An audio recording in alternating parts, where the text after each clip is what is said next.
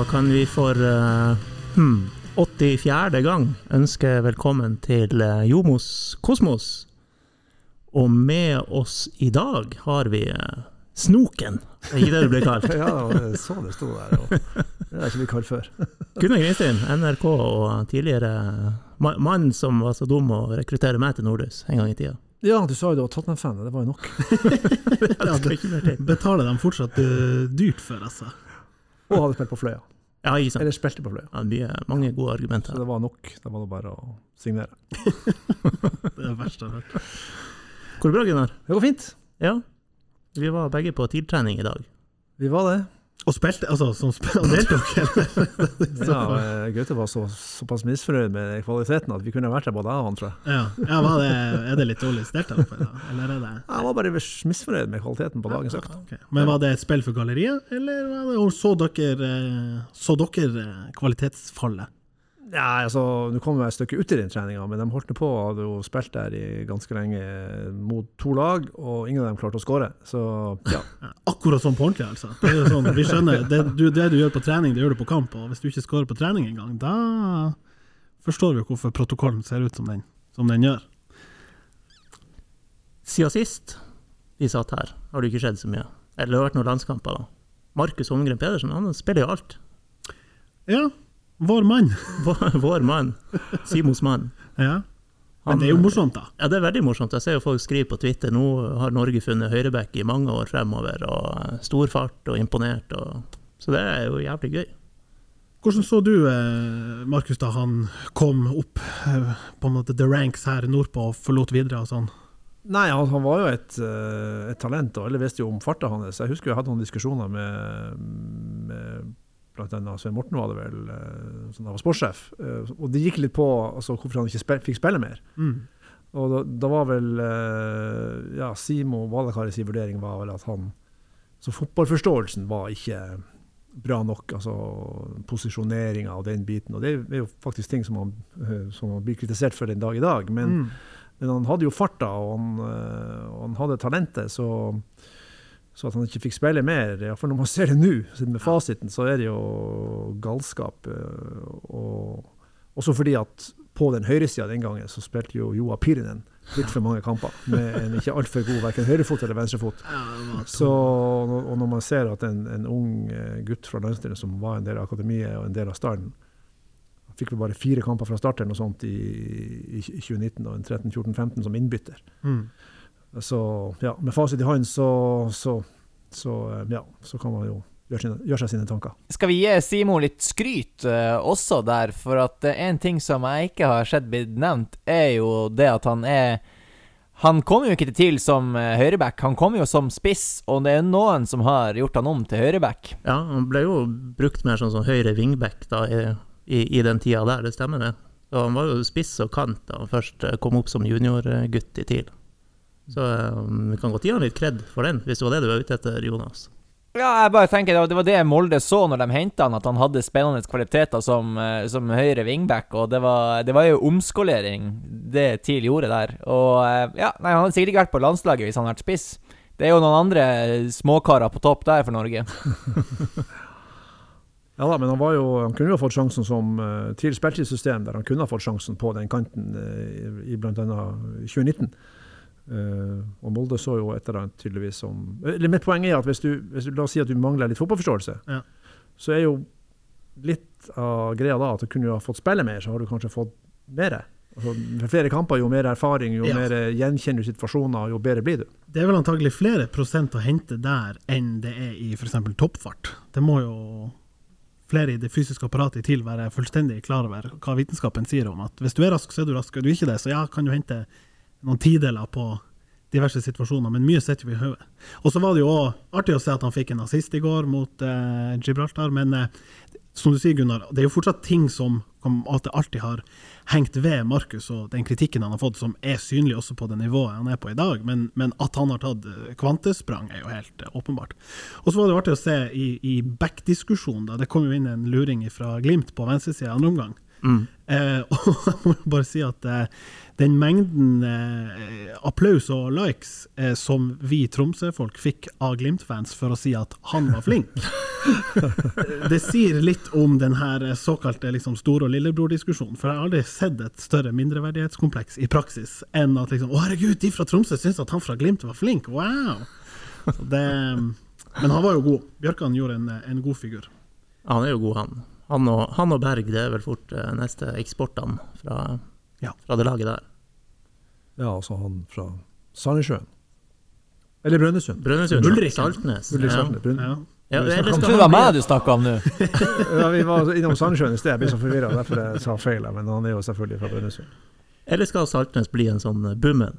Sånn eh, får aldri A-landskampen, men kjempegod. Og får seg et lite utenlandsopphold, og så that's it.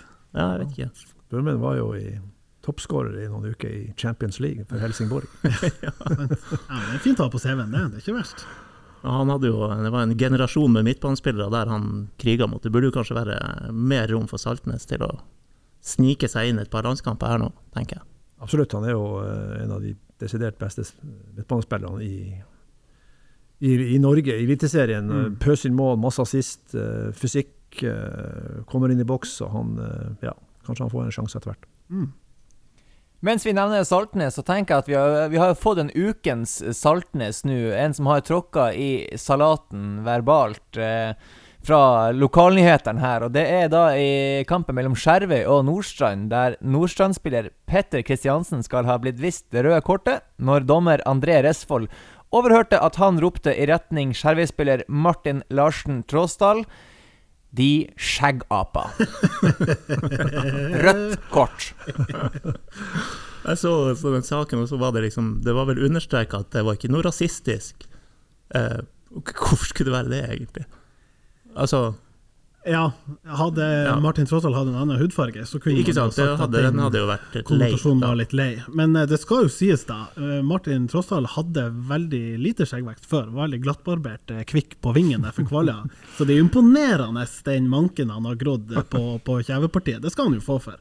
Men at det må komme i, i form av en sånn skjeggape, det er kanskje litt vel neandertalsk. Vi har et par andre ord som er litt sånn eh, vanskelig. Altså hvis, hvis, hvis man kaller noen for ei gårdhysa på banen, hva gjør dommer da? Ja, godt spørsmål. Ja, og du var kanskje i ferd med å spørre om det, men er det, er det direkte rødt kort for å si de skjeggapa? Hørtes strengt ut. Ah, gjorde ikke det? Ja. Sånn skjeggkre. Ja, det er kanskje enda verre.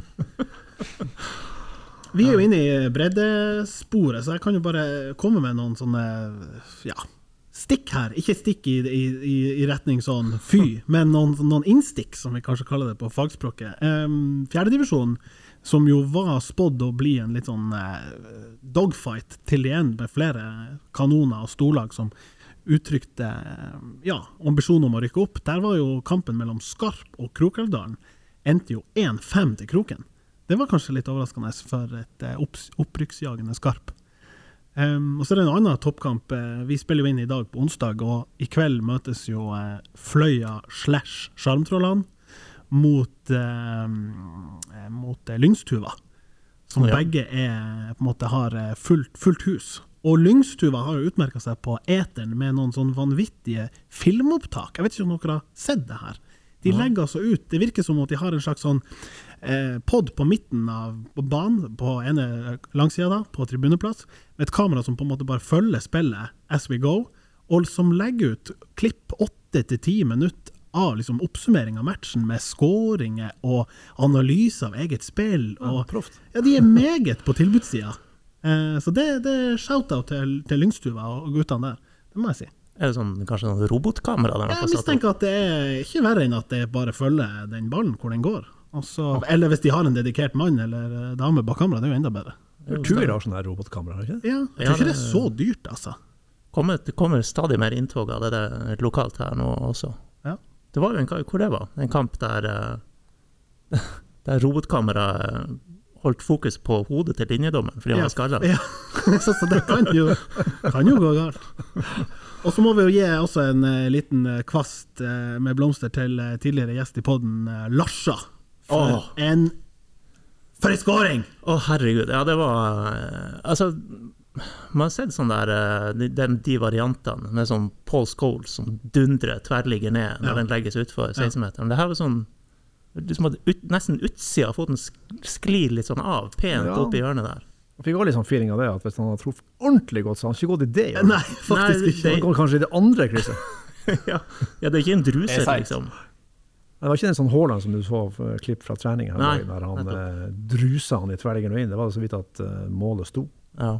Det er deilig. Ja, men Det er veldig artig med sånne skåringer som er klassisk sånn eh, Nei, når vi står igjen og bare koser oss etter trening, da er det det, det, det du øver på. Henger han opp her, og så smeller jeg til, og så prøver jeg aldri i kamp. Ja, det er sant. Men det er jo også litt lasja å gjøre det sånn der. Det er mer enn å druse en kanon, tenker jeg. Det er litt sånn silky oppi hjørnet. Ja, og har jo vært god i år, det må sies. Synd Ja. med det skadeavbrekket, men er jo virkelig eh, Tuils bestemann for tida. Har Tuil hakka litt for mye i starten til at de er opprykkskandidat, eller kan de nå dure på? Litt langt opp, er det ikke det? Ja, det er vel det, kanskje. Kongsvinger og Hødd er vel Ja. too far away. Det eneste som kan liksom eh, hjelpe dem, er jo at kampprogrammet blir for tett pga. utsettelse eller et eller annet sånn, som på en måte man kan få litt momentum. Men det, det ser litt for langt opp ut. Og Gjør vel det. Tuil er kanskje litt for, litt for ung ennå. Mange unge spillere som har tilsig der og sånn. Men eh, det gror jo godt, og det er godt å se. Men de har ingen Adam Gyven. Apropos Tuil og hakking. Eh, han som har assisten på det målet, Sigurd Grønli, Ja. eh, vet dere hvor han jobber? Oi. Jeg har lyst til å svare Joe and the Juice, men det har vi jo ikke her oppe. Det er altså den her eh, frisøren som er nærmest Eurospar i byen. Der har han altså fått seg en deltidsjobb, der han eh, gjør alt forarbeidet for han som er hovedfrisøren der Kleppe. Han kjører eh, maskin på sida og alt sånt, klargjør å vaske håret, og så er, er man klar for klipping. Og det har han fått helt tilfeldig, den jobben der, bare med at han var der en gang og sa at han hadde lyst til å prøve. Yes. Det er jo breaking news. Slags sånn uh, frisørfluffer. på- Er dette på Celius? eh? Ja, det er ikke på Celius. Det her er eh, Det her er, Om det heter Tromsø sentrum frisør eller Alanya frisør, det er en av de der eh, sjappene. Jeg ble litt eh, skeptisk, for jeg går nemlig på Celius. Redd for å møte Grønli på Oh yes, eh, oh yes. vorspielet der. Ja ja, skal ikke kimse av det. Ja. Men eh, jeg har jo, snakker om Tuel, jeg har jo veldig troa på, på mm, sånn det har blitt der nå med Samuelsen, og, og det de prøver å skape med det laget. og det har jo sagt i podkasten her før også, at jeg har med, med Gaute og teamet de, de har i TIL. Hva, når du sitter her, Gunnar, og, og også er, er ganske tett på TIL, hva, hva du tenker om, eh, om det? Og tidligere i sommer var det etter den cup-exiten, så kokte det vel litt, og noen ville ha trenerdiskusjon osv. Hva du tenker om ståa? Nei, jeg tror det er lurt å ha litt is i magen og ikke eh, hive trenere under bussen for tidlig. Eh, Jeg har jo tru, god tro på Gaute og det han står for. Han har gjort eh, en god jobb, ikke minst i Tromsø da han var der. Ikke like heldig i, i HamKam, men jeg tror han er en trener som trenger litt tid på seg. Det, det hadde han jo også i Tuel. Det var ikke suksess med en gang. Men med små ressurser så fikk han til mye der, og de slo ut Glimt av cupen, de slo ut Godset-cupen med store sifre og masse bra øyeblikk. Kjempa om uh, ja, faktisk om opprøk, eller kvalikplass i hvert fall, til Eliteserien. Så uh, jeg bare minner om det som skjedde, jeg skal ikke sammenligne med Kjetil Knutsen, men Kjetil Knutsen var det jo mange som ville, som ville kvitte seg med i Bodø for ikke mange år siden. Mm. Da de ikke vant noen av de siste fem kampene i Eliteserien holdt på å røkke ned.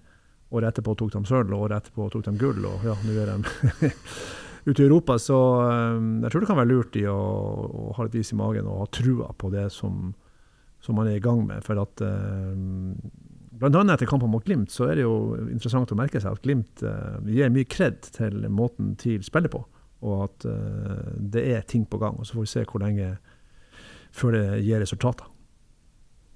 Gunnar, du har jo vært med på å skrive altså opp gjennom din eh, karriere som journalist, så har du både vært med på å skrive kritiske artikler om eh, ja, trenere som har vært naboene dine, og eh, mot eh, Ivar Morten Nordmark og alt sånt. Og, og Anders, du har jo også skrevet sånne type artikler, og det har også vært publisert eh, noen, noen innlegg og kommentarer i det siste om Helstrup. Hvor mye føler dere at liksom, Hvor mye påvirkningskraft har media i det spørsmålet der? Ja, altså Media har jo påvirkningskraft, det tror jeg jo, men det varierer for, fra styre til styre, skal jeg ta si. Eh, Og sånn som jeg har forstått det her, så er jo ledelsen eh, backer Gaute. Men så vet vi jo alle at det går en grense for hvor lenge du backer en trener. Eh, noen ganger så, så kan du jo røkke ned og likevel beholde jobben, men når det gjelder for TIL sin del, så er det jo også en økonomisk pakke der. Men klart, media har, har påvirkningskraft. Det, det, det tror jeg ikke vi trenger å, å lure så mye på. Men så er det jo litt eh, avhengig av eh, hvem som sitter i ledelsen, hvor mye man lar seg påvirke. Men har du fått eh, på en måte noen form for feedback fra de trenerne du har omtalt de med kritiske ord noen gang direkte? Oh, oh yeah. Går de, altså, ringer de? Sender de melding? Kommer de på døra?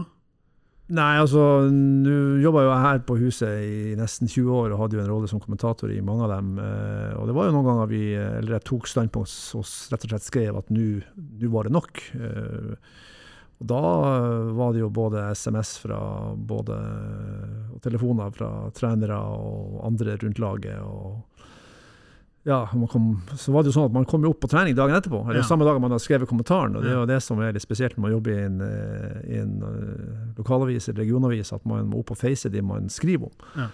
Så det var jo ikke alltid like behagelig. Men eh, tror dere at Gaute beholder jobben, eller får forlenga hvis vi rykker ned? Under de riktige forutsetningene, kanskje? Altså, la oss si vi fortsetter i det sporet som vi jeg føler vi er litt enige om nå. Vi spiller relativt bra, vi er særlig gode mot de beste lagene, men vi får ikke uttelling på poengfronten akkurat nå.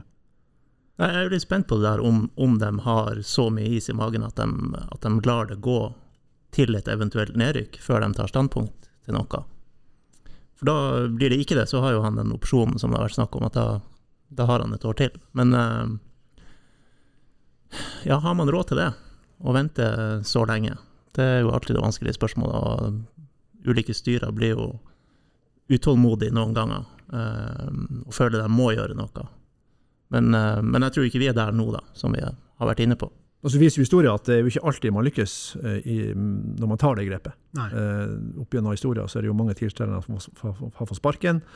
Eh, med Valekari så klarte jo han å redde klubben fra nedrykk, og så gikk det jo veldig bra en stund, og så før det gikk dårlig igjen. Eh, mens eh, andre ganger så har jo til og med Tommy Svensson kom jo en gang, ble henta tilbake for å berge TIL fra Erik, og særlig ikke han klarte det. Mm. Eh, Så det viser jo bare at det, det er ikke alltid eh, en opplagt løsning å sparke treneren og tro at man skal berge plassen. Nei, for her er jo også scenarioet. En ting er jo den kortsiktige effekten av at la oss si Gaute får sparken, det er syv kamper igjen, og så prøver vi å, å få noen til å komme inn da. Men, men selv da, eller hvis, hvis det går tida ut og vi ikke forlenger, så må, er vi jo tilbake til start. Vi må finne en, en langsiktig trener som skal drive et prosjekt på lang sikt, eh, og som skal få lov å prøve og feile, da. Hvis, hvis det i det hele tatt er lov der oppe.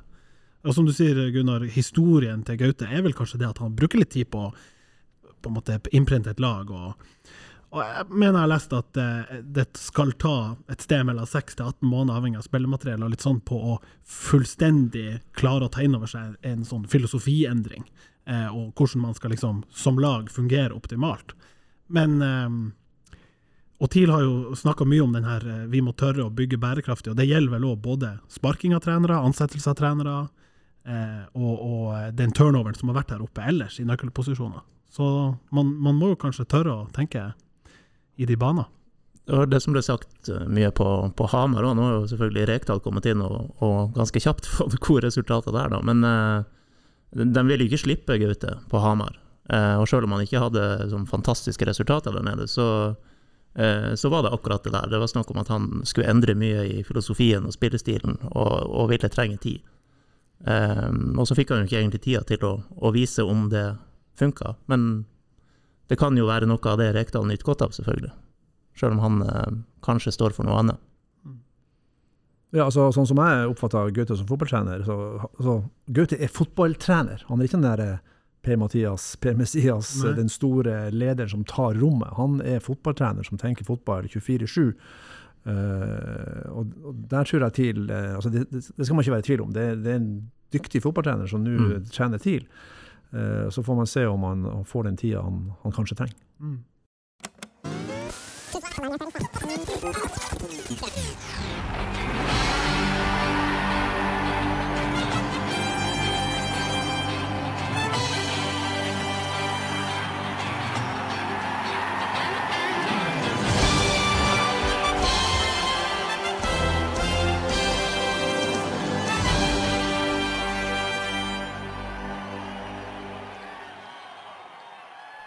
Vi har jo, Det hadde vi for så vidt også gjort uh, sist vi satt her, men vi har jo lagt bak oss et overgangsvindu. Hvordan uh, syns du TIL kom ut av det til slutt, Gunnar? Ja, Ondrasjek uh, inn er jo den, uh, den største, største, biten der. og hva, jeg vet ikke om vi har om det ennå, men hva kan vi forvente av han? Det er jo kamp nå på søndag mot Rosenborg. og ja, hvor, hvor, mye kan vi forvente å se han? Det er vel ikke, det er ikke 90 minutter, tror jeg ingen av oss her tror. Nei, og jeg er jo litt usikker på hvor han står. Det tror jeg jo flere er. Kanskje han sjøl også, for det er jo en stund siden han har uh, spilt kamp. Var nede i Romania der og, ble løst fra kontrakten. Eller president som, som plutselig fant ut at han ikke uh, hadde bruk for han lenger. Så har det jo vært litt sånn opp og ned med hans karriere. Hatt veldig mange gode perioder, både i Polen og i USA, der han har bøtta inn mål. Så har det vært perioder der han ikke har bøtta inn mål. Og Sånn var det jo i TIL òg, faktisk, når han var her de fire sesongene. Skåra nesten 50 mål på 110 eh, kamper. Det er bra statistikk, det. Eh, men han er jo, følger han jo på sosiale medier. Han trener jo. Han er jo, eh, er jo i, i, shape. altså Han tar vare på kroppen sin. Han er seriøs. Han er en voksen, en voksen fyr som kommer opp her med, med tenker på at det er ikke han sjøl som skal skåre hat trick i hver kamp. Det er laget som skal vinne og ta nok poeng for å, for å bære plassen. Men jeg er usikker. Jeg tror, sånn som jeg tolka treninga i dag, tror jeg ikke han uh, ikke starter på Lerkendal. Men uh, kan bli en tsjekkisk joker der. Eh. men på lang sikt, da, hvordan ser du hans uh, rolle? Vi var jo litt innom det siste sending, men er han best i tospann med noen? Og ser du hvem det eventuelt skulle vært i, i dag? Er det, er det Kobraen og, og, Runar som er den optimale duoen? Eller er det Moses, eller er det August? Hva, hva, tenker du om hans rolle litt sånn utover sesongen. Og Der har jo Gaute utfordring. Hvordan skal han komponere det? Nå har jo Moses er jo, er jo TILs toppskårer. Seks mål og to assist det er jo ikke gærent. Samtidig har han vært veldig ustabil. Runar har vi jo venta på og venta på og venta på. Fikk starte nå sist. Eh, tja, eh, brukbar. 60 minutter. Eh, August Mikkelsen har jo vært eh, årets åpenbaring i, i TIL. Han må jo spille. Mm.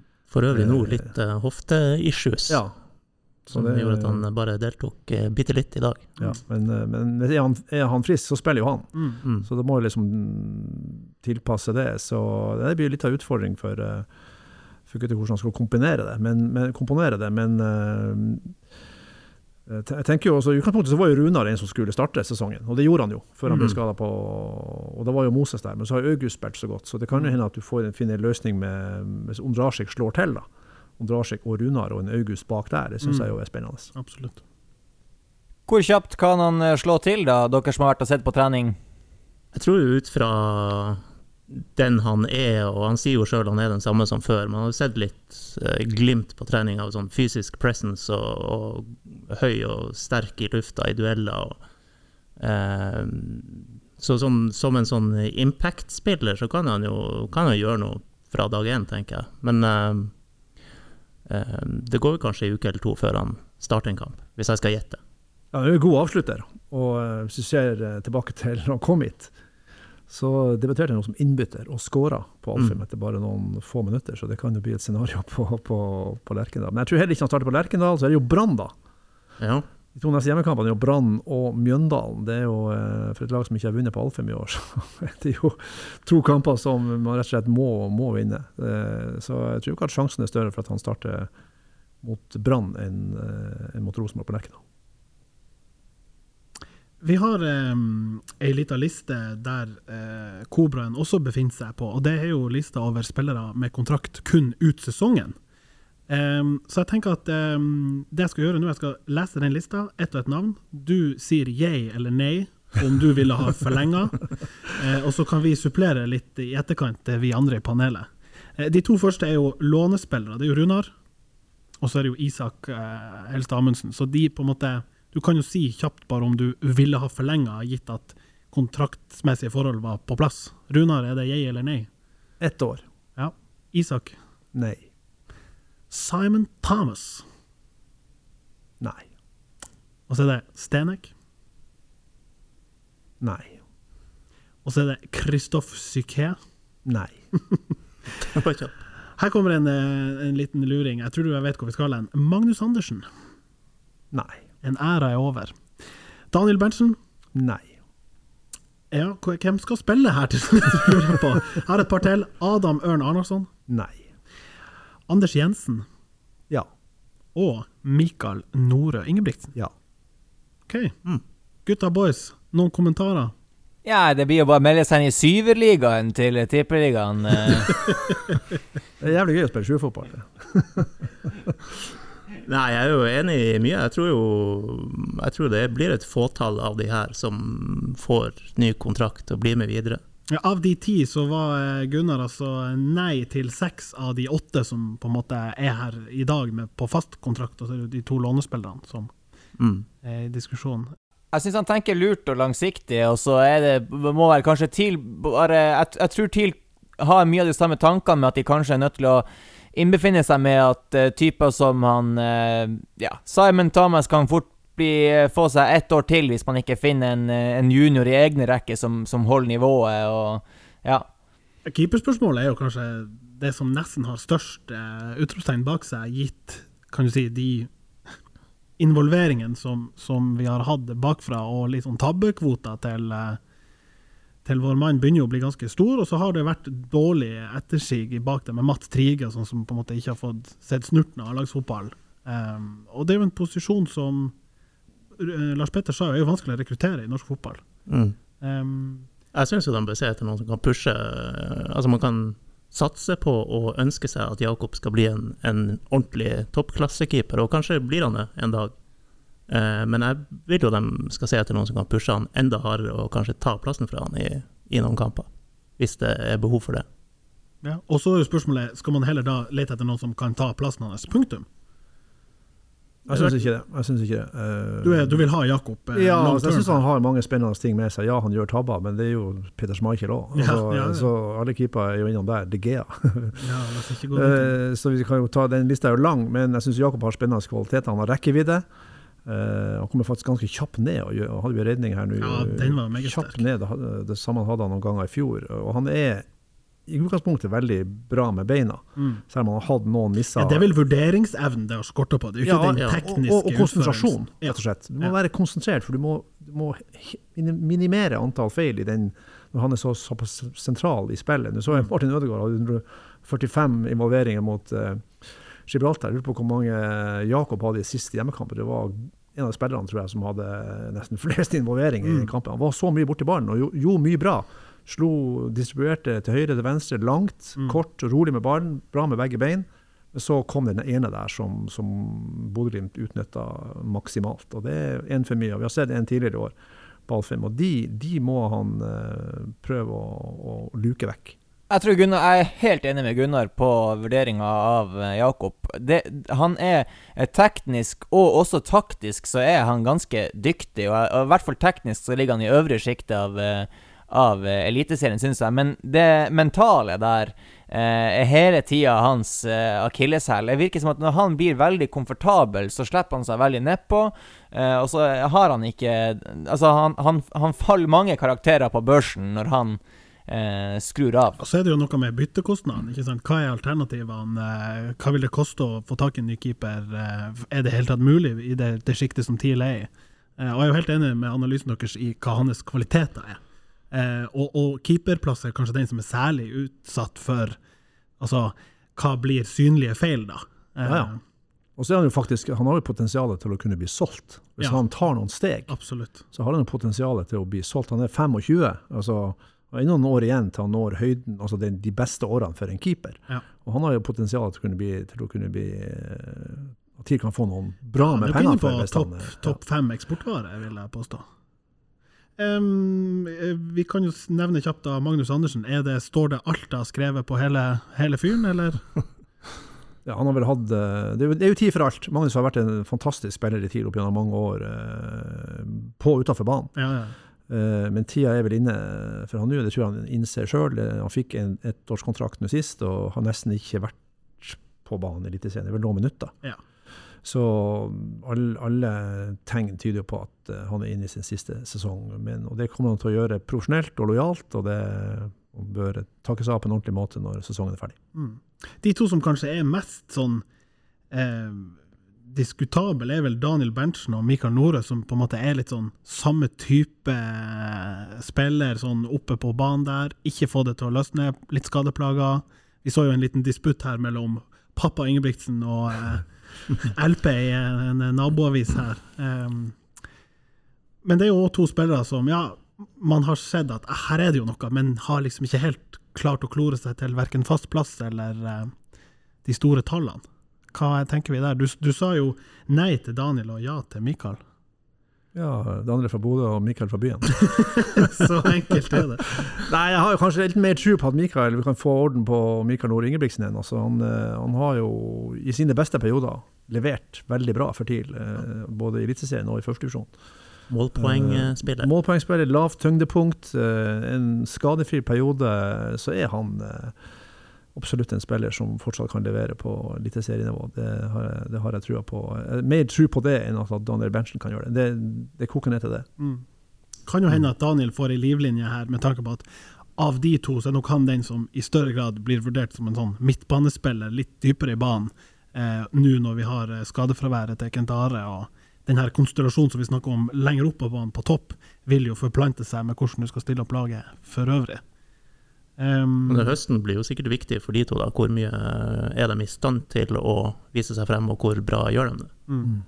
Og så har han jo blitt, han har jo blitt far til en tromsøværing, så gjennom familiegjenforening tenker at han kan regnes som eh, tromsøborger. Ja, så har jo faren spilt i både TIL og Tuil. Ja, han er jo født, han er jo født i Tromsø. Ja, han er det. ja. ja, det er ikke det det står på. Nei, han er jo en bra spiller, det er ikke det, men hvis man gjør noe valg, så hvis jeg ville valge mellom de to, så ville jeg valgt Mikael. Og så sa du jo kjapt eh, ja til Anders Jensen. Gutta, hva dere sier eh, fra deres side der? Ikke, var, vi er ikke uenige. Nei, jeg, jeg er ganske enig i det. Men altså, det har irritert veldig at han har eh, At han har hatt såpass mange situasjoner der han eh, Ja, jeg har opplevd at han har blitt dytta litt enkelt bort, eller har vært, eh, ikke vært våken noen sekunder, og så har det blitt veldig utslagsgivende, som har vært eh, skuffende. For ofte har det kommet i kamper der jeg syns at han har vært veldig god ellers. Så ehm, ja, jeg lurer på om Gaute ser, ser det og, og tenker at kanskje her er det, det, det er litt tweaking som skal til for at han skal fortsette å levere på det nivået som han eh, leverte sin første sesong. Men en, en viktig forskjell når det gjelder han, er jo da han kom inn og, og gjorde det bra i Eliteserien. Det var jo en periode der TIL slapp nesten ikke inn mål. De kampene han var på banen, Mm. og når han ikke var på banen, så rant det inn. Det kan ha vært et pussig sammentreff, men, eh, men da var han jo høyre stopper i denne treeren. Mm. Nå er han blitt liksom den her eh, midt, midtre mannen som skal ta de tøffe duellene, gå i dem. Han er, han er vel ikke helt den typen. Nei, jeg tror kanskje at hvis uh, hadde fått inn en, eh, en La oss si en like sterk duellspiller som det Simen Wangberg var, men en som kanskje var hurtigere og enda bedre med ballen, så kunne Anders Jensen ha spilt til høyre ved siden av Ja. den typen. Så jeg tror jo hvis man skal, hvis man skal forsterke Forsvaret, så er det en, en skikkelig kvalitetsspiller eh, som midtstopper TIL trenger. En sjef. En sjef. Lykke til med å finne det. On a budget. Ja, men tror dere Kristoffer Siké kan bli det når han har, eh, er ferdig med sin eh, ja, hva skal vi kalle det? Rehabilitering? Ja, så jeg syns jo så langt han har sett ut som han knapt er i form til jul. Så jeg vet ikke, han var jo bra i Kristiansund, eh, og var jo kanskje litt den typen da. Sånn eh, tok duellene og, og var jo også farlig i motstanders på dødball. Eh, ja, Men han er vel den typen, han er vel litt av den typen som TIL solgte da de solgte Wangberg. ja, i grunnen. God duellspiller, litt eh, opp i årene, eh, kanskje litt skadeutsatt. Så Så han trenger egentlig å kjøpe seg hus på Kvaløya og bli i lag med noen skijenter, så er vi på en måte nesten der vi skal være. Ja, nei, det er en tøff kabal eh, de har, eh, de har foran seg. Det er ikke noen tvil om det.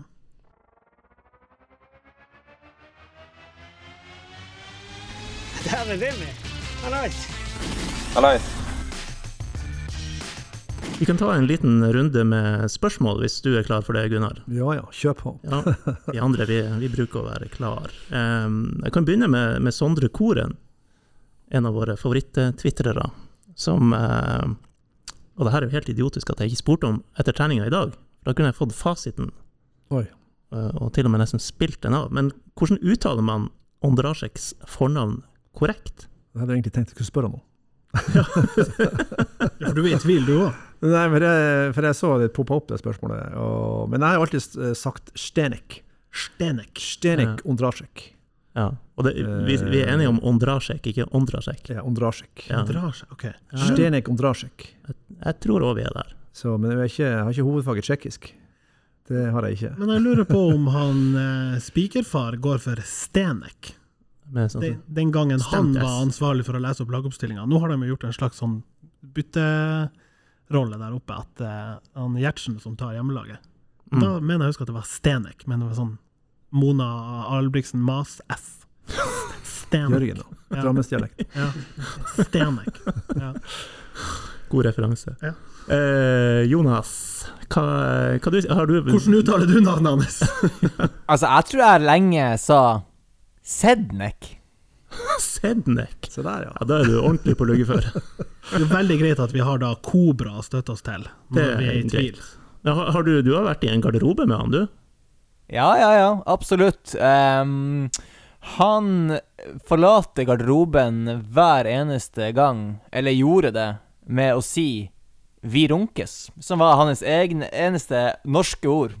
Og Nå har han blitt gift, sa nå Ja, Nå håper jeg den tida er over. Nei, han eh, han blir, han blir jo faktisk kalt Kobra en del i garderoben òg, da. Det, hører jo, det er jo Det er jo komplett eh, kaos, da, så det er jo bare å safe. Jeg tror Å si bare- Kobra. Ja. Jeg tror Ja. Kobra eller Stenek? Stenek. Tror vi prøver det. Ja. Skal vi gå videre Ja. med noen flere? Eh, Håkon eh, Danielsen, eller Gnistveien som han heter på Twitter, eh, lurer på om du kan trekke frem den triveligste Det var for øvrig han som antyda at du drev og snoka, da.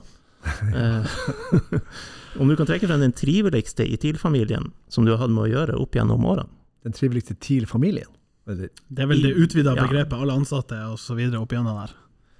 Ja, nei, hvem vi skal ta da? Altså, det er jo uh, har jo fulgt TIL siden 1990-sesongen, faktisk.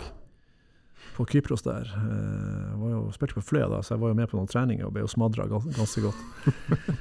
Uh, nei, uh, jeg må jo si uh, det har vært mye bra spillere og, og mange bra trenere. Men jeg har alltid hatt et veldig godt forhold til uh, Per-Mathias Høgmo, eh, som er sånn så det med å ha folkeskikk, det å hilse på folk, eh, ønske deg velkommen, sånn, ser deg for den altså, som, du, har, du er der som journalist, så har du jo en jobb å gjøre. og uh, Veldig sans for de menneskelige kvalitetene som han uh, mister Høgmo eh, har, og, da, og visste de, de, årene han, de periodene han var TIL-trener. Så um, det må jeg si, alltid veldig uh, hyggelig å komme på jobb uh, oppe på Alfheim når han var der. Uansett om det gikk bra eller dårlig, så, så var han uh, Han var eh, en mann med folkeskikk fra Grattangen, rett og slett. Når du snakker om gode forhold, så har det jo også vært et par kjølige forhold. Ehm, blant annet en eh, liten boikott. Kan ikke du fortelle litt om den? Ja, det tenker vel på Aabrek, tenker jeg. Jeg var litt i, i Rushfeldt-gata, men eh, Ja, hvis du har to, to, så, så må du ja, bare servere. Boikottbølge. Nei, det var jo i forbindelse med cupfinalen i 96 eh, Da eh, jeg en kommentar om at eh, nå var det på tide at Sigurd eh, fant seg nye utfordringer. Eh, gikk litt på måten kroppsspråket på banen, at det var tid for han å, å komme seg videre, rett og slett. Mm. Både for han, hans del og ja, tida var inne for å ta et nytt nivå. Mm. Og så reagerte han på den. Uh, Ja, via SMS, telefon Nei, jeg husker ikke hvordan det var. Uh, fikk vel bare beskjed om at eh, nå ville ikke han snakke mer Ikke med meg, og ikke med Nordlys engang. Å ja, kjørte fullt. ja, ja, full, full pupp der, og ingen i TIL uh, syntes det gjorde noe særlig. Så da ble det cupfinale der jeg ikke snakka med Nordlys verken før eller rett etterpå. Men vi skal være oppe etter noen uker, og er gode venner i dag. Og han ble jo matchvinner der, på, på Det ble han. òg. Så da det, jeg husker Lasse Jangås hadde liksom, Vi var jo flere som dekket den cupfinalen. Og Lasse Jangås uh, hadde liksom ansvaret, fikk ansvaret da for å lage dobbeltsida på Sigurd, da, eller eh, på, på matchvinner. da. Men Han måtte da stå ved siden av Morten Pedersen i Dagbladet og stille, få Morten Pedersen til å stille spørsmål, så han kunne, kunne svare, kunne få uh, sitater. Så det var, Morten spør han Sigurd om han syns det var en bra kamp. Så det var, eh, nei, det var, ikke noe, det var ikke noe gøy, det var det ikke. Det, det skal jeg innrømme. Uh, Men sånn sett i ettertid, så det, den kommentaren jeg skrev, var også litt på bakgrunn av samtaler jeg hadde hatt med, med Sigurd, faktisk. Eh, men så var det kanskje noen formuleringer der som kunne vært annerledes. Det var vel et eh, bilde med noe sånn som vi fant frem over seks spalter der med fingeren opp, eller noe sånt. Mm. Slik at det liksom eh, pakka blir litt uh, heftig. Men eh, ja. Det, Du fikk jo rett òg, da. Han ble jo solgt. han ble solgt. Ja. Og han fikk jo en brukbar karriere. Ja, media har påvirkningskraft, var ikke det vi spurte om i stad? Men jeg fikk jo faktisk, det husker jeg jo, det var jo før det var eh, SMS og sånn det her. Det var jo det var Fax som kom. Ja, faktisk. Du så og fikk fax og folk som takka meg for at jeg skrev det de hadde sett. Altså, Ja. det, sånn, det med kroppsspråk på banen og Ja, sånn. ja, ja. Men eh, det, det gjorde jeg faktisk, så ja. Men uh, Sigurd likte det ikke. der, og, der og da. Men Aabrek, da? Du nevnte han. Ja, nei, der var det jo ganske full fyr i teltet en periode, for å si det sånn. Det var jo, eh, han, han var jo ganske kontroversiell når han kom hit, da. Det hadde vært noen episoder med eh, vannbøtte på Åråsen, og vist bort av banen og satt opp i et tre, eller noe sånt. Eh, Og så var det nede på Kypros en kamp, der jeg syns han oppførte seg way over the line fra sidelinja. Og skrev da det i Nordlys. uh, uh, etter en kamp mot et svensk lag, uh, der han var ganske kra- krakilsk på sidelinja. Og at han tydeligvis ikke hadde lært noe da, av tidligere suspensjoner der han hadde oppført seg dårlig på sidelinja. Dette var jo før nettavisenes tid, så jeg tror det var kona som leste det opp for han dagen etterpå. Og i neste kamp da, så så at han var litt eh, morsk i blikket. da. og så skulle jeg inn i garderoben etter kampen og uh, snakke med guttene. Uh, Det her var vel 92. Uh, og Aabrek kommer inn i garderoben og går fullstendig svart når han ser uh, undertegnede sitte inni der i garderoben. Det var jo vanlig at vi satt i garderoben en gang. Mellom Lars Espejord og hvem det var jeg satt og intervjua. Og bare tar tak i meg og lemper meg ut av garderoben. Eh, det var jo ganske rystende. Kjelen Olsen var jo formann da, og sto utafor der med store øyne. Hva er det som skjer her nå? Eh, og jeg fortalte han jo det, og, men da tror jeg det var sånn at eh, spillerne fikk beskjed om å si at jeg ikke hadde vært i garderoben. Yes. Cover up. At eh, jeg, De skulle si at eh, jeg var nekta adgang til garderoben. Det var den offisielle versjonen. Og jeg har jo snakka med mange av de spillerne i ettertid som angrer på at de faktisk ikke Altså Sånn kan vi ikke ha det i tid. Du kan ikke, som trener kan du ikke oppføre deg sånn. Det to, det, han var jo ny i klubben, og ingen som tok den fighten da. Du, det du forteller om at du har Altså, at sportsjournalistikken var sånn den gangen at du var etter kamp så er det inn i garderoben og, og snakke med spillerne. Det er jo ikke i nærheten av det man har eh, i dag. Hvordan har liksom det, her, det å følge TIL endra seg med årene, med tanke på nærhet? Nei, det var jo helt andre tider da. Det var også den gamle, altså når vi dekte TIL, så gikk jo alle inn i den gar- garderoben på det gamle TIL-huset nede der. En liten garderobe. Det var jo stinn brakke. De som hadde briller, det var jo full dugging, og alle kameraer dugga. Så vi var jo eh, tettere på. Det var jo ikke noen sånne regler da om miks- mikssone, var det ingen som hadde hørt om. Det var jo et fremmedord som ingen, ingen hadde hørt om. Og så klart, det blir jo det blir større og større distanse, og nå er vi jo lenger unna enn noen gang vi står på på eh, den nye tribunen her på Alfheim, og spillerne er 60 meter unna når de er ferdig med treninga. Så det har jo endra seg. Det er jo ikke like lett å være så tett på som, som det var i, i gamle dager, for å si det sånn. Skulle vi arrangert en slags sånn åpen dag, der vi hadde en sånn throwback til hvordan det var før i tida? Da mener jeg liksom der er liksom eh, etter match eller eh, trening, av med klærne i garderoben, sette seg i badstua, ha med liksom en båndopptaker, svette mannfolk inntil skulder til skulder, ta praten og være liksom helt tett på. Det hadde jo vært deilig. Ja, men det blir vel ikke i år. Nei, kanskje ikke. Vente til alle har fått to jabs. Kanskje enda ei sprøyt. Ja, ja. jeg var jo også begynt i Nordlys på den tida, med garderobene på gamle tidhus. Og det var jo som du beskriver det. Og spillerne gikk jo inn og ut og dusja. Og man har jo sett, sett mye man ikke får bort fra, fra netthinna. Ja, det Ikke bare Umbro, for å si det sånn. Ikke bare Umbro. Det var vel Ja, det er ganske mange, ganske mange høstkamper på Alfheim der jeg har tenkt at det hadde vært deilig med en god, varm dusj i garderoben før jeg starter intervjuet. Skal vi gå videre, kanskje? Ja. Eh, nok om dette. Eh, Are Medby, han kjenner vi. Han kjenner vi. Eh, hvor stolt er du av å være den eneste i verden som har fått et halvt poeng på T2-børsen i Nordlys. en, enormt stolt. Hvorfor har du fått et halvt Nei, det der er jo sånn eh, Når vi dekket Tito-serien i gamle dager, så var det jo børsen var jo 5-3-2-1 for de fire spillerne som Ja, ja, ja, ja, stemmer. Og det hendte jo at vi faktisk ga poeng til spillere som ikke hadde spilt. Jeg skal ikke si hvilken journalist som gjorde det, men Men i dette tilfellet så Jeg spilte jo på Fløya en par-tre år. eh, jeg, tror det var, jeg tror ikke det var Are, men jeg tror det var Skjalg Andreassen. Vi hadde bortekamp mot Skjervøy. og så, eh, jeg hadde jo ikke noe sånn fantastisk Jeg har jo ikke eget kapittel i Fløya-boka. Jeg, jeg var jo ikke i nærheten av, av, det nivået. Men jeg hadde noen kamper, og noen spilte noen ganger satte jeg på benken, kanskje mest det siste. Men uansett så var det en kamp jeg spilte, og så fant vel Skjalg ut at nå skal vi ha det litt gøy. Så har vi 5-3-2-1. Er det et par fra Skjervøy og et par lagkamerater. Så har vi et halvt poeng til Gunnar Grinstad. Og det kom på trykk! Å, det er deilig! Og eh, da tror jeg det var mange av mine kolleger i sportsstasjonen som eh, hadde det veldig artig. Det er godt. Det er godt. Så det er vel ingen etterpå som har fått et halvt poeng på børsen. Men eh, han Skjalg Andreassen, Ja. det skal sies. Det må nevnes. Jeg mener det var han som gjorde det. eh, Og i gamle dager så hadde jo eh, TIL en egen avis som heter TIL-hengeren. Ja. Mm. Og da fant de ut at de skulle lage en pressebørs.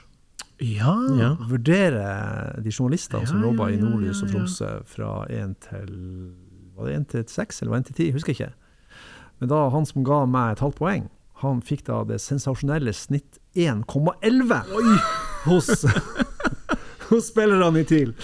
Så eh, ja. Arsenal-fan Skjalg Andreassen eh, han fikk skikkelig gjennomgå. Men så skal det jo sies at han eh, var jo den som etter hvert fikk ansvaret for å gi ut noen fantastiske kampprogram som Ja. TIL hadde i noen år, som var ja, det var var i stor verdensklasse. business. Det var mer enn 1,11 i snitt. Det Ja, var det var- sekser på terningen. Meget Synd at det falt bort, for det var et kjempeprodukt å ha med seg eh, hjem igjen. Og bla litt, og gjort enormt med research. Er det den her krysspress-varianten? Ja. Også kalt pisskryss. Det er for øvrig òg noe vi må ha inn den her åpne dagen. Da skal spillerne få lov å gi børs tilbake på alle som er involvert i å, å melde noe om, om TIL. Var det dem som også da lagde de der plakatene? Filmreferanseplakatene? Ja, det var samme, samme den kreative gjengen som, som lagde det. Ja, mye bra der. Så det var, det var mye bra. De programmene var helt eh, Inspirert av selvfølgelig et program i, i England som jo holder et høyt nivå. Så det var Da var TIL best i klassen. Så hva, når vi snakker om denne børsen, har ikke du nevnt engang en dommer som skrev en sak sjøl, og vurderte seg sjøl i teksten? Vi, vi har sett han bedre. Ja. Det var vel eh, ikke navnet på dommeren, men han var, hadde en god dose selvironi, så han skrev at eh, NN dømte, vi har sett han bedre før. Den er fin. Um, Andreas Seipajärvi han eh, vil vite mer om din uh, fotballkarriere. Uh, borteturer i breddefotballen kan by på mangt. Hva er ditt beste minne fra egen karriere? Ah, beste minne fra egen karriere. Det var vel ikke så veldig mye beste minne. Men jeg kan jo huske at jeg avgjorde en kamp på Punkterte en kamp på Skjervøy. Det kan jeg huske. Stillinga var eh, 2-1. Vi jaga utligning. Så tok jeg et sjeldent løp på egen halvdel og punkterte kampen. Det er fordel for skjervet. 3-1. Men jeg skylder på keeperen som, eh, som skulle plukke det innlegget som traff meg i foten og gikk inn. Han hadde minus én i spenst, så det var egentlig hans skyld. Det er mye vondt oppe på Skjervøy, her. jeg. Vi har mange som har dårlige minner derfra. Men det var jo veldig artig å være en del av Fløya de årene. Og så, eh, hvis jeg skal ta frem et godt minne, så er det vel egentlig når man bussa Mm. Til kampene. Altså den sosiale biten med quiz i bussen og den her, den her garderoben som også man kjente på når man slutta å spille fotball. Den savna den der garderoben før trening, bussturene bort, eh, gjerne med noen eh, pils Mm. etter kamp, Mm. ikke før kamp. Pils på veien hjem etter en tur til Finnsnes, eller eh, hvor det måtte være. Med, med det, det er liksom sånn som sett, og som man uh, satte veldig pris på den gangen man spilte. Word. Kjenner på det sjøl når du sier det. Sindre kan vi dra inn her. Um, han vil vi skal spørre deg om da du ble dratt inn på et lugubert kontor på flyplassen i Minsk av hviterussiske vakter da TIL var på europacuptur. Ja, det stemmer det faktisk. Eh, Det var jo sånn, eh, det var mye styr da, å komme inn, inn og ut av disse landene. Så når vi var ferdig med den kampen og skulle fly hjem, endte vel 0-0, tror jeg. Dynamo Minsk Ja, det kan stemme det. Ja. Så måtte du ha papirene i orden. Og så begynte vi å nærme oss flyplassen, og det var vel Hege Thomassen som hadde ansvaret for all logistikken rundt eh, disse kampene. Ja, har alle nå med seg disse papirene, og så vi kommer oss eh, med det flyet. eh, og så det hadde jo for så vidt eh, alle, men så er det ja, Torgrim Ratata Olsen. Utmerket fotograf i nordlys. Hei, hvor er du? Jeg tror ikke jeg har det. Jeg tror det ligger på hotellet. Så da var det jo uh, Hive seg på telefonen, Hege Thomassen, og ringe til hotellet. Ligger det i resepsjonen, dette papiret fra den utmerkede fotografen i Nordlys? No, no. No paper here. No paper here. Der sto det flyet, Mm. når vi kom frem på flyplassen. Og så, eh, så Vi må sjekke lomme og alt. Og Tore, kan du sjekke fotobagen? Ja, det kan jeg gjøre. Jeg sjekker det. Oi, der var det! Der var papiret! Men da hadde vi altså blitt eh, til å ende på det kontoret, det var masse styr. Og det var jeg faktisk i ferd med at den hjemreisa ble utsatt. Ikke bare for oss journalister, men for hele laget. Ja, ikke sant. Så vi, vi eh, Spillerne oppfattet jo det her og fikk jo med seg hva som skjedde, og det var jo en delay der. Og da sto vi ikke høyt i kurs en periode, men eh, det ordna seg. De europaturene, det har vært mye Det bildet vi la ut i forkant, er jo eh, oss to som sitter i, i spillebussen. Det var jo andre tider vi fikk sitte på i spillebussen. Fra eh, Ali Samien stadion i Istanbul. Ja, det var 05? Nei, da de slo ut Galatasaray.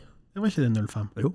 Ja, og null, jeg tenkte resultat 0-5. Nei, nei, Det kunne blitt 05, men det ble 1-1. Ja, ja, ja, Men det var jo 05. Ja, det var, det var et eventyr av en tur. Ja, det var et eventyr av en tur. For, for det første så dro vi jo eh, Vi dro jo, jeg og du og Torgrim. Ja, vel det. Ja, da hadde han papirene i orden. Ja. vi kom både inn og ut av Tyrkia. Eh, men vi hadde jo da eh, Vi hadde jo liksom ikke fått tillatelse til å reise tre stykker. Så jeg husker jeg når det ble oppdaga av redaktøren at vi var tre stykker i Tyrkia. Så fikk vi jo noen klare beskjeder om at eh, det kanskje var én for mye. Ja, det var vel også sånn at du og Torgrim leverte den første saken her på Lars Iver Strand, Ja. med et bilde utafor hotellet. Da var det noe om at det der bildet det kunne vært tatt i telegrafbok, da. Ja, så da måtte vi justere reportasjene resten av turen og få inn noe pipe og noe ja, Det minareer og noe synagoger litt forskjellig. Men er er det den beste borteturen du har vært på i, i jobbsammenheng? Altså, det var jo helt fantastisk at TIL slo ut Galatasaray og gikk videre. Det var jo helt vilt på den der Nå har de fått ny stadion, Mm. eh, den gamle intime stadion Mm. der eh, vi satt opp på en pressetribune med tyrkiske journalister som jo var ganske entusiastiske. Og så var det jo sånn at når, når TIL uh, tok ledelsen der, så var det jo Patrice Bernier som skyter. Og så treffer han da hælen på Steven Adamolu Mm. og ballen triller i mål. Så kommer det jo reprise på skjerm da på pressetribunen, som viser jo at Steven Ademolu er selvfølgelig Ganske klar offside. ganske klar Som han jo alltid var, den mannen.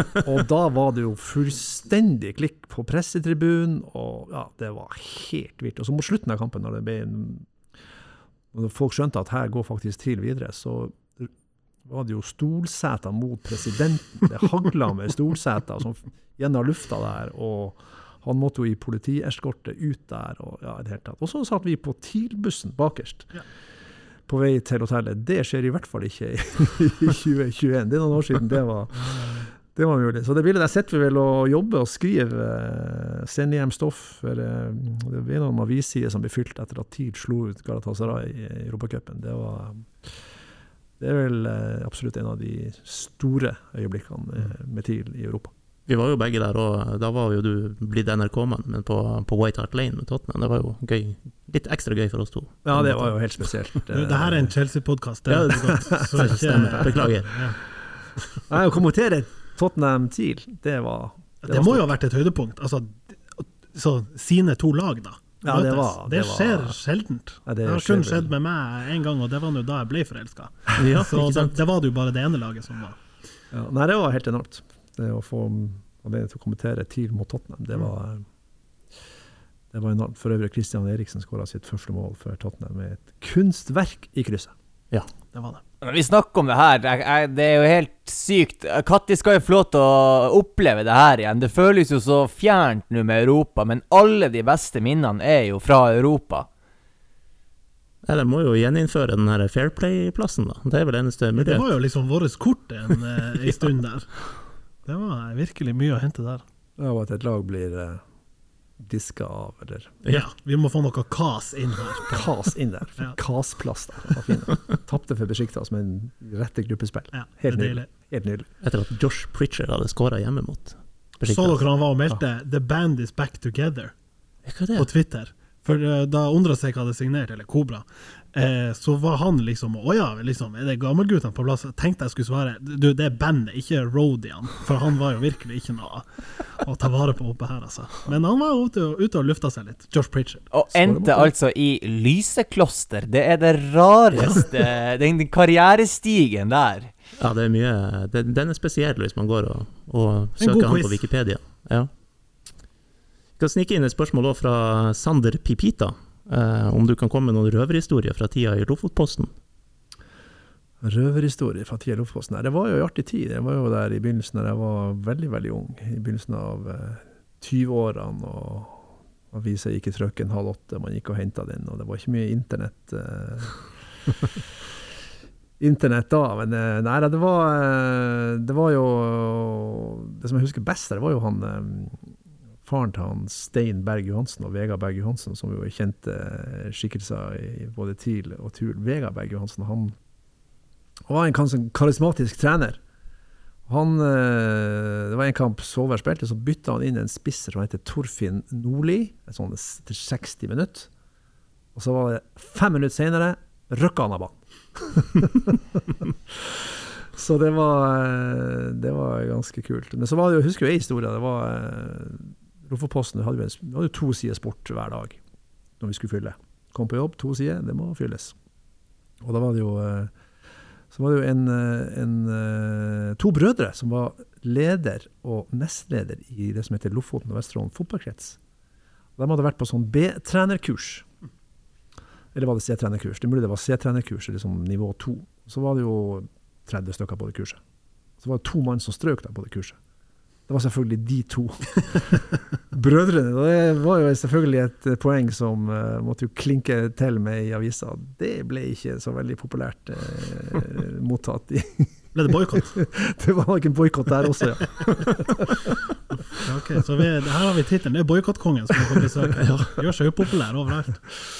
Når du nevner det med bytte, kom jeg på det her. men det var ikke, Da var ikke du involvert, men du jobba jo i Nordlys, da. Han Frank Berntsen. Var det ikke han som tok av han Preben Reinholdsen? Ja. Røkka han av banen i en kamp, og satte ikke inn en innbytter. Han skulle bare vise at det her det går faktisk bedre med ti spillere enn når du er utpå. ja da hadde jo Spiker nettopp annonsert at han Preben Reinholdsen var dagens Senja-spiller. det Yes. Preben Reinholdsen, beste treneren jeg har hatt noen gang. Oi. Men Nils Olstad, apropos, han var jo trener i var det Skarp, Ja, og tok av en spiller etter 13 minutter altså etter start. etter start. Ja. Nei, dette går ikke. Nei. Ut. Da tar du feil lag. Ja, men var det, det er jo spørsmålet om du da sier 'sorry, jeg tok et feil lag', eller om du sier 'dæven søkker du er dårlig', jeg tar det av. Det er jo ulike måter å se det på. Litt sånn der eh, markeringsbehov fra trenere der, føler jeg. Og så gjorde Per-Mathias Høgmo det i en OL-finale. Tok ut Solveig Gulbrandsen etter Ja, 25. ja, noe Ja. sånt. Og, så Og hvem var det Otto Ulseth som plukka av Janne Hietanen før pause? Han burde vært plukka ut fra byen for lenge siden, den mannen. Herregud. William Fransen. William Fransen har opplevd det samme. Ja. Ja, borte mot Odd, mener jeg vi er da Nei, borte mot Viking, så blir han bytta ut etter ca. Sånn 30 minutter, og så setter man Salo sist på midtbanen istedenfor. Dette er debuten til han William også. De skulle debutere sammen med Ankara på midtbanen. Stemmer. Uff, Viking borte. Mm. Ja, det må ha vært debut i Eliteserien, for han debuterte jo i førstedivisjon mot HamKam, tror jeg. han. William. Viking borte, William Fronsen. Ja. Ja. Men jeg har jo blitt plukka av, jeg og bror Hartvigsen. Fløya borte mot en eh, Ramfjord grusbane der. Vi var ferdigdusja når de andre kom til pause. Du har opplevd den der, ja. Ferdigdusja. Jeg kjørte hjem. Det er deilig. Nei, vi kan begynne å Er vi ferdigdusja? Vi er nesten ferdigdusja her. Eh, bare kort innpå Skal vi ta det viktigste, eller det største først? Rosenborg-TIL. Eh, hva tror vi? Hva tror du, Gunnar? Nei, eh, Rosenborg eh, før landslagspausen hjemme virka sterk. Eh, eh, tror ikke TIL eh, Det er ikke den kampen TIL skal ta poengene. De, de kommer hjemme mot Brann og mot eh, Mjøndalen, ikke minst de to neste hjemmekampene. Der må, vi ha, der må TIL ta seks poeng. Det er ikke noe bønn. Eh, vi er overraska hvis TIL tar poeng på Lerkendal. Du skal få lov å levere resultattips for da Brann og Mjøndalen. Her, Vi har sånn resultattips på jobb. Da har jeg tatt 3-1, så jeg holder på det. Ok, På begge? Nei, nå var det Rosenborg. Ja, ja, Ja, ja. Og så få noen tips for Brann og, og Mjøndalen. Nei, der tror jeg altså Mot Brann, da, da må bare årets første hjemmeserie komme. Så den, Og den kampen tror jeg TIL vinner. Så da, da tror jeg de vinner uh, 2-0. Og da tror jeg faktisk Kobra skårer. Deilig. Og vi har jo sagt våre tips for Rosenborg-kampen. Jeg står det. fortsatt med mine 2-0 her da, til hjemmelaget. Jeg husker ikke hva jeg sa. Jeg må eh, hente opp forrige podkast. Ja. Jeg tror det var et knepent tap. Ja. Eh, det skjer jo litt andre ting òg. Det er Sandviken-Fløya i eh, kvartfinale i cupen. Eh, sannsynligvis relativt sjanseløs. ja, Må vel være så ærlig. hvis ikke forrige kamp var i oddsbombe, så vil jo det her også være det. Og de er jo litt sånn i en Fikk jo en smekk på fingrene mot Greia og litt sånn, så det er der. Ja. Har ikke, ser, ser ikke for meg at vi får en sånn ny Askeladd-historie der, dessverre. Og så er det Senja-Fløya og Moss Tuil i Post Nord.